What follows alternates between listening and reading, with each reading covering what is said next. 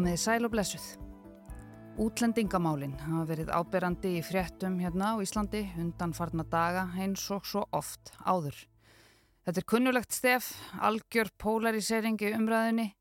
Þau eru velkomin, leifum þeim að vera eða hendum þeim úr landi. Þau mega ekki vera hérna. En hvað er það sem hefur breyst bara núna? Jú, það eru ný útlendingalög fyrirverandi dómsmálar á þeirra sem voru samþygt á alþingi 15. mars en tóku bara gildi núna um daginn og þau verðast býta. Og sömuleiðis verðast lögin ekki alveg ná utanum afleðingarnar sem þau hafa. En um hvað snýst þetta? Yfirleitt finnst mér best að fá fólk sem vinnur við að skýra flókin mál til þess að skýra flókin mál, bæði fyrir mér og öðrum. Ég náði að nöppla samstarfskonu minni að fréttastofunni minni í hljóðstofu 0 í gerðkvöldi þegar hún var rétt búin að skila af sér síðustu frétt vinnudagsins. Hún var á kvöldvakt og búin að fjalla töluvert um þetta hafari allt saman undanfarið. Ég heiti Sunna Valgeradóttir og útlendingar á Íslandi verða á dagskrá í þetta helst í dag.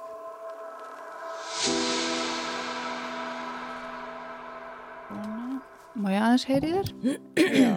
Halló, halló. Já, þetta er flott. Uh -huh. Þetta er bara flott. Ok, Alma Ómarsdóttir, fréttamaður og fréttastofu Rúf, takk fyrir að gefa þér tíma. Já, kemur. Ég veit að það er mikið að gera og það er alveg nóg í fréttum þó að sé, er ekki en það sumar?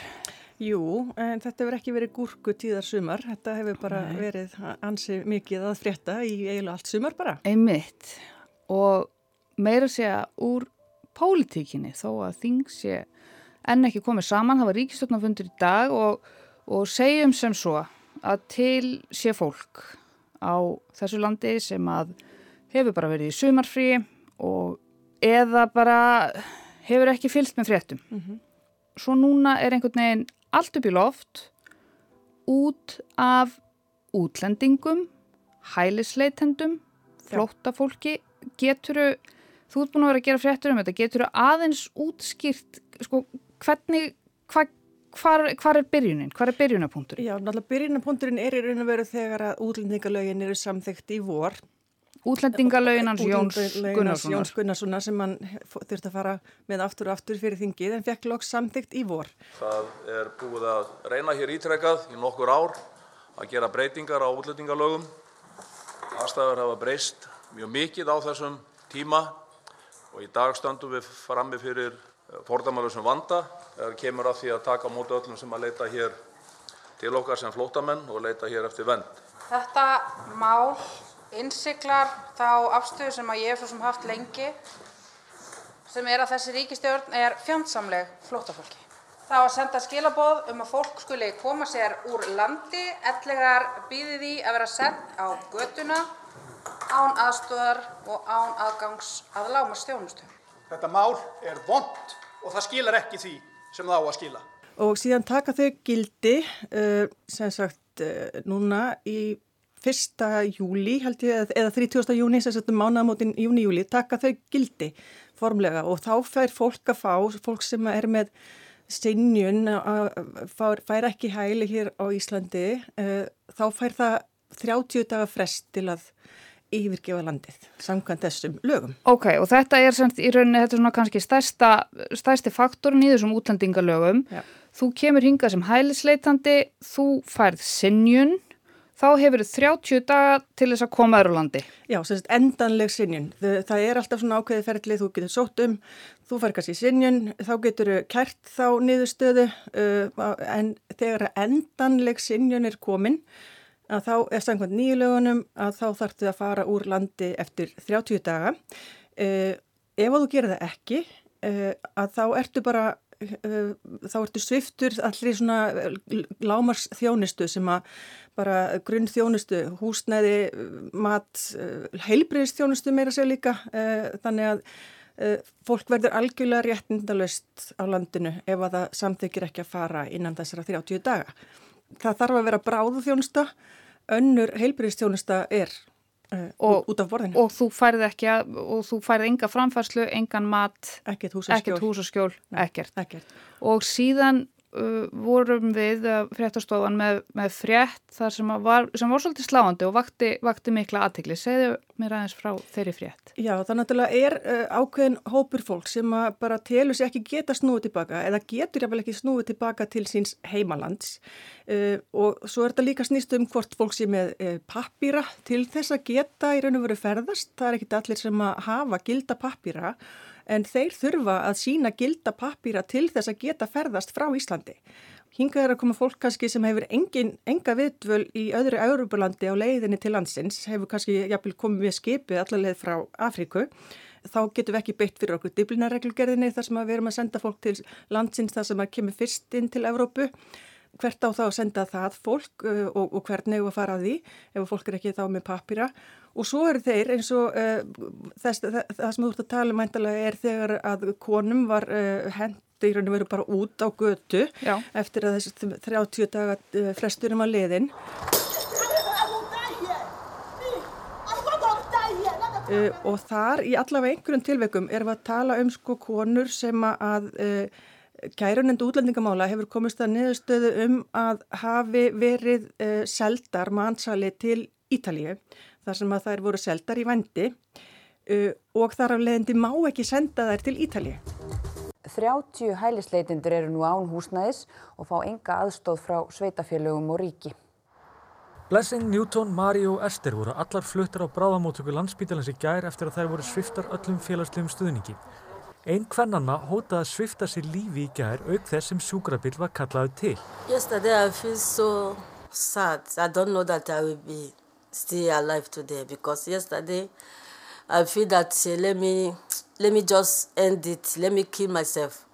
Þannig að hvert ætlum við að senda þér? Og, og þetta er uh, svolítið svona, það er ákveðin hópur og þetta er ekki stór hópur Hvað fólks. er þetta stór hópur, cirka bátt? Núna eru, mér skilst að þetta séu bara uh, hérna, 50-60 manns núna sagt, sem eru í, þessum spórum sem eru svona annarkvort að missa eða eru bara búin að missa, eru á þessum 30 dagar frest eða komin yfir þennan 30 dagar frest. Og hvaðan eru þau að koma? Þetta er í raun og veru þessir hópar, sko, þetta er það fólk sem hefur kannski verið hérna alveg jafnvel í fimm ár, sko, sem er.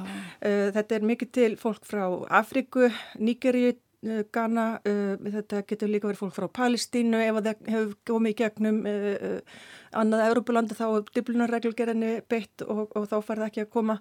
Þetta getur verið, já, í raun og veru bara veist, frá þessum löndum sem fólk var að koma frá þessum tíma, Ísrael, Írak, Uh, en þetta er fólk sem hefur fengið sinjun og fengið endalega sinjun og þannig er einmitt fólk sem hefur verið jafnvel upp undir fimm ár. Þannig að þetta er, ef við meðum kalla þetta þannig, afturvirt. Þetta er afturvirt. Þetta virkar ekki bara á fólki sem er að koma núna, þetta virkar á fólki sem er hérna og hefur verið hérna. Þetta er allavega látið virka afturvirt uh, og ég hef með talaði við mann í, í vikunni sem að uh, lögumæður hans reynda að sagði við hann að þetta ætti ekki að eiga við hann vegna þess að honum hafi verið, verið sinjað áður en að lögin tóku gildi en hann fekk einhverja síður bara SMS og sagði bara þú verður sóttur eftir einn og halvan tíma pakka henni við dótunni en við erum að fara með þig í bæjarhönn.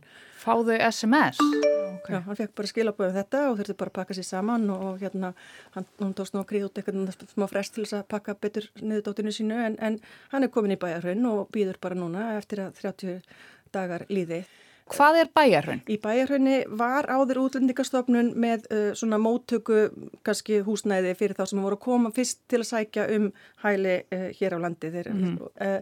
uh, að núna er ríkislauglistjóri búin að taka yfir þetta húsnæði uh, vegna þess að það er uh, ríkislauglistjóri, stóðdöldi ríkislauglistjóra sér um það að flytja fólk úr landi sem uh, hefur fengið endilega sinjun. Uh, og þá sjá þeir með þetta húsnæði þannig að þeir sem eru á þessum 30 daga frest að þeir fá að vera þarna í þessa 30 daga, það reyndar er svona ef þú samþykir að, að fara þú veist að kannski getur það tekið meir en 30 daga að, að, að ganga frá því og þá er það svona uh, þá er þér ekki hendu út sko en það eru, það eru dæmið um það að fólk hafi bara alls ekkert skrifað undir pappirina um það mm -hmm. að það ætli að uh, fara frá landi og þá, emitt, er farið bara úr húsinu og engin veit í raun og veru hvað tekur við þeim. Þannig að þetta virðist að vera algjörlega afturvirt að, að bara allir sem hafa fengið sinnjun uh, og endanlega sinnjun sem sagt á og eru ennþá stattir á landinu að þá fá þeir þennan 30 dagar frest síðan. Hvernig fær þetta bara uh, staðist bara mannréttindi? Þetta er bara mannvonska og ómannulegt og það er búið að ég trú ekki að þurfum að mótmála þessu svona oft. Bara mótmæla ómannulegri stefnu ríkisvörnarni í útlendingamálum. Please give us a chance. We are a good people. We are living here like a, like a peaceful life. And please help us. Já, það er náttúrulega bara það, það sem stjórnum þarf að bera fyrir sig er bara að það, þú sért þá orðin ólöglegur, ólögleg í landinu um leið og þú ert búin að fá þessa sinjun og þá sértu bara að dvelja hér ólöglega og, og þar á leiðindi megi bara senda þig úr landi. En hvernig, þetta er náttúrulega það sem við erum að lendi núna, er þessi, uh, hvað gerist ef að fólk neytar að fara uh, og það er ekki papýrar, uh, ferða, ferðaskjöld til, hvernig ætla Íslands stjórnvöld þá að fara því að bara, hvert ætla það að fara með það, hvernig ætla það að fara að því, hvert ætla það að, uh, þannig að mm. þá er þetta fólk sem að, uh, er þá búið síðan að missa alla þjónustu, algjörlega réttindalaust og þá kemur allt í hennu upp hérna spurningum, ok, getur við heimitt af mannúðar sjónamiðin bara látið sem ekkert sé að fólk sé bara á götunni, nei og, og þá segir félagsmálar á þeirra, nei, sveitarfélagin verða bara að grýpa þennan hóp. Sveitafélagin eru alls ekki til í það. Nei, þau segir bara nei, þetta, þetta, við byrjum ekki ábyrð á þessum málaflokki uh, og síðan segir dómsmálaráþra að... Uh, Hinn nýju dómsmálaráþra? Já, já, hún er bara, fylgir áfram stefnu Jóns, ég er henni að vera í þessu, hún tekur bara við keflinu og, og er, hérna, segir bara lögin virki. Lögin eru að virka. Fólk á bara að fara eftir 30 daga. Uh, og hún segir að fólkið í raun og veru ber þá bara ábyrgt á sér sjálft uh, það er ekki ábyrð ríkisins og ekki ábyrð sveitafélagana uh, að grýpa þau heldur, þurfum þau bara að uh, sjá um sig sjálf. Það eru lög í landinu sem segja það að ef að þú færð ekki vend hér að þá berð þér að yfirgefa landið. En þau hafa samt ekki nein, nein réttindi til þess að sækjum neinar atvinnuleysisbætur eða grunnframfærslu eða neitt svo. Þau mega ekki vinna. Þau mega ekki vinna, þau mega ekki fá bætur, þau mega ekki fá hús og skjól. Mm -hmm. Þannig að þau verða bara að redda sér sjálf og hvernig eiga þau að gera það? Það er nefnilega veit enginn ennþá.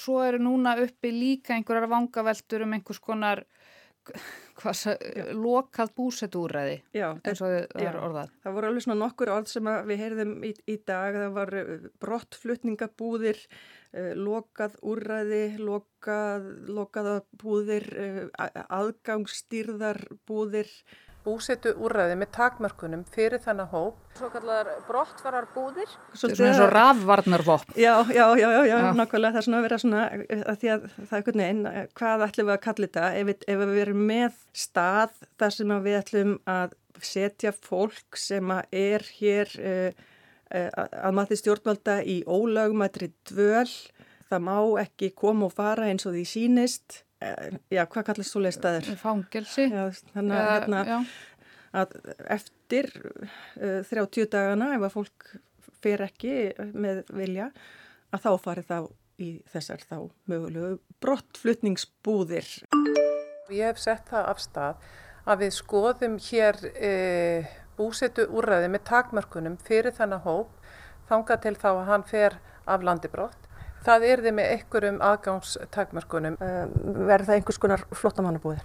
Nei, þetta er búsettu úræði með takmörkunum. En á meðan, áðurna, á meðan áðurna þú, svo ákveðinu tekinn, að þá erum við ennþá með þessar ósverðu spurningu að það eru einstaklinga núna á gödunni. Já. Og því er algjörlega ósvarað um hver ber ábyrð á því. Og það segja bara allir ekki ég. Já. Fáum að, að heyra bara núna hvað fórsettisráð þeirra uh, sagði í fréttum um þetta mál eðlilega er ekki hægt að ætlast til þess að hér sé veitt full þjónusta þegar málsmeðferð er lokið í vendakerfinu og neitun líkur fyrir. En þá eh, vakna til dæmis spurningar um það sem sumar þjóðir hafa gert sem er að setja á lakirnar svo kallar brottfarar búðir. Það er ekki hugmynd sem hefur endilega hugnast mér en uh, það líkur algjörlega fyrir að það þarf að skýra það hvað tekur við. Þegar við fórum á heimsóttum Norðurlöndin, alls verður metamálunemnd, þá var okkur sagt að þeim myndi aldrei dætt í huga að gera þetta með þessum hætti. En þetta er algjörlega í bóði Ríkistjórnar Íslands. Er, er ekki gert ráð fyrir þessu í lögunum? Nei, það er ekkert sem að, sem að teku við mm. í mhm. lögunum. Það er bara að tala um þess að 30 daga, þá ertu þjónustasviftur og þú átt að fara úr landi. Mm. En það er veginn ekkert eitthvað svona gert ráð fyrir þessum möguleika að það sé kannski einmitt, mm. eitthvað fólk sem að kemst ekki eða bara neytar og hvað ætlum við þá að gera og það er ekki, liggur ekkert svar við því mm. og, og já, hún talar um að það þurfi eitthvað að, að skoða þetta og, og, og skýra en uh, við erum samt allavega ekki að fara samkvæmt nýja dómsmjöraðunum okkar þá erum við ekki að fara að skoða neinar breytingar á þessum lögum. Lögin eru að virka. Það má alveg gera ráð fyrir því að þetta verði eitthvað rætt þegar þingið mætir aftur til starfa eftir sumar frí. Alma Ómarsdóttir, takk æðislega fyrir að gefa þið tíma til að tala við okkur. Alma heldur líklega áfram að fjalla um þetta mál í dag nema Askja fari að gjósa þá fer hún líklega þangað. En í þættunum heyrðum við líka í fólki úr fréttum meðal annars dómsmálar ráþörunum Jóni Gunnarsinni og Guðrún og Hafsteinsdóttur. Við heyrðum í Katrínu Jakobsdóttur, forsættisáðara, Þingmönnunum Helgu Vilu Helgadóttur, Segumari Guðmundsinni og Þórildi Sunnu Ævarsdóttur. Svo spilaði ég líka bút úr frétt Vals Grettirssonart þar sem hann tók viðtal við Blessing Newton og Mary. En ég heiti Sunna Valgeradóttir og við Alma Ómarsdóttir reyndum að varpa ljósi á þennan litla kema útlendingamálana í helstinu. Við fjöldum að sjálfsögðu meira um þau á næstunni en takk fyrir að leggja við hlustir í dag og við heyrumst aftur á morgun.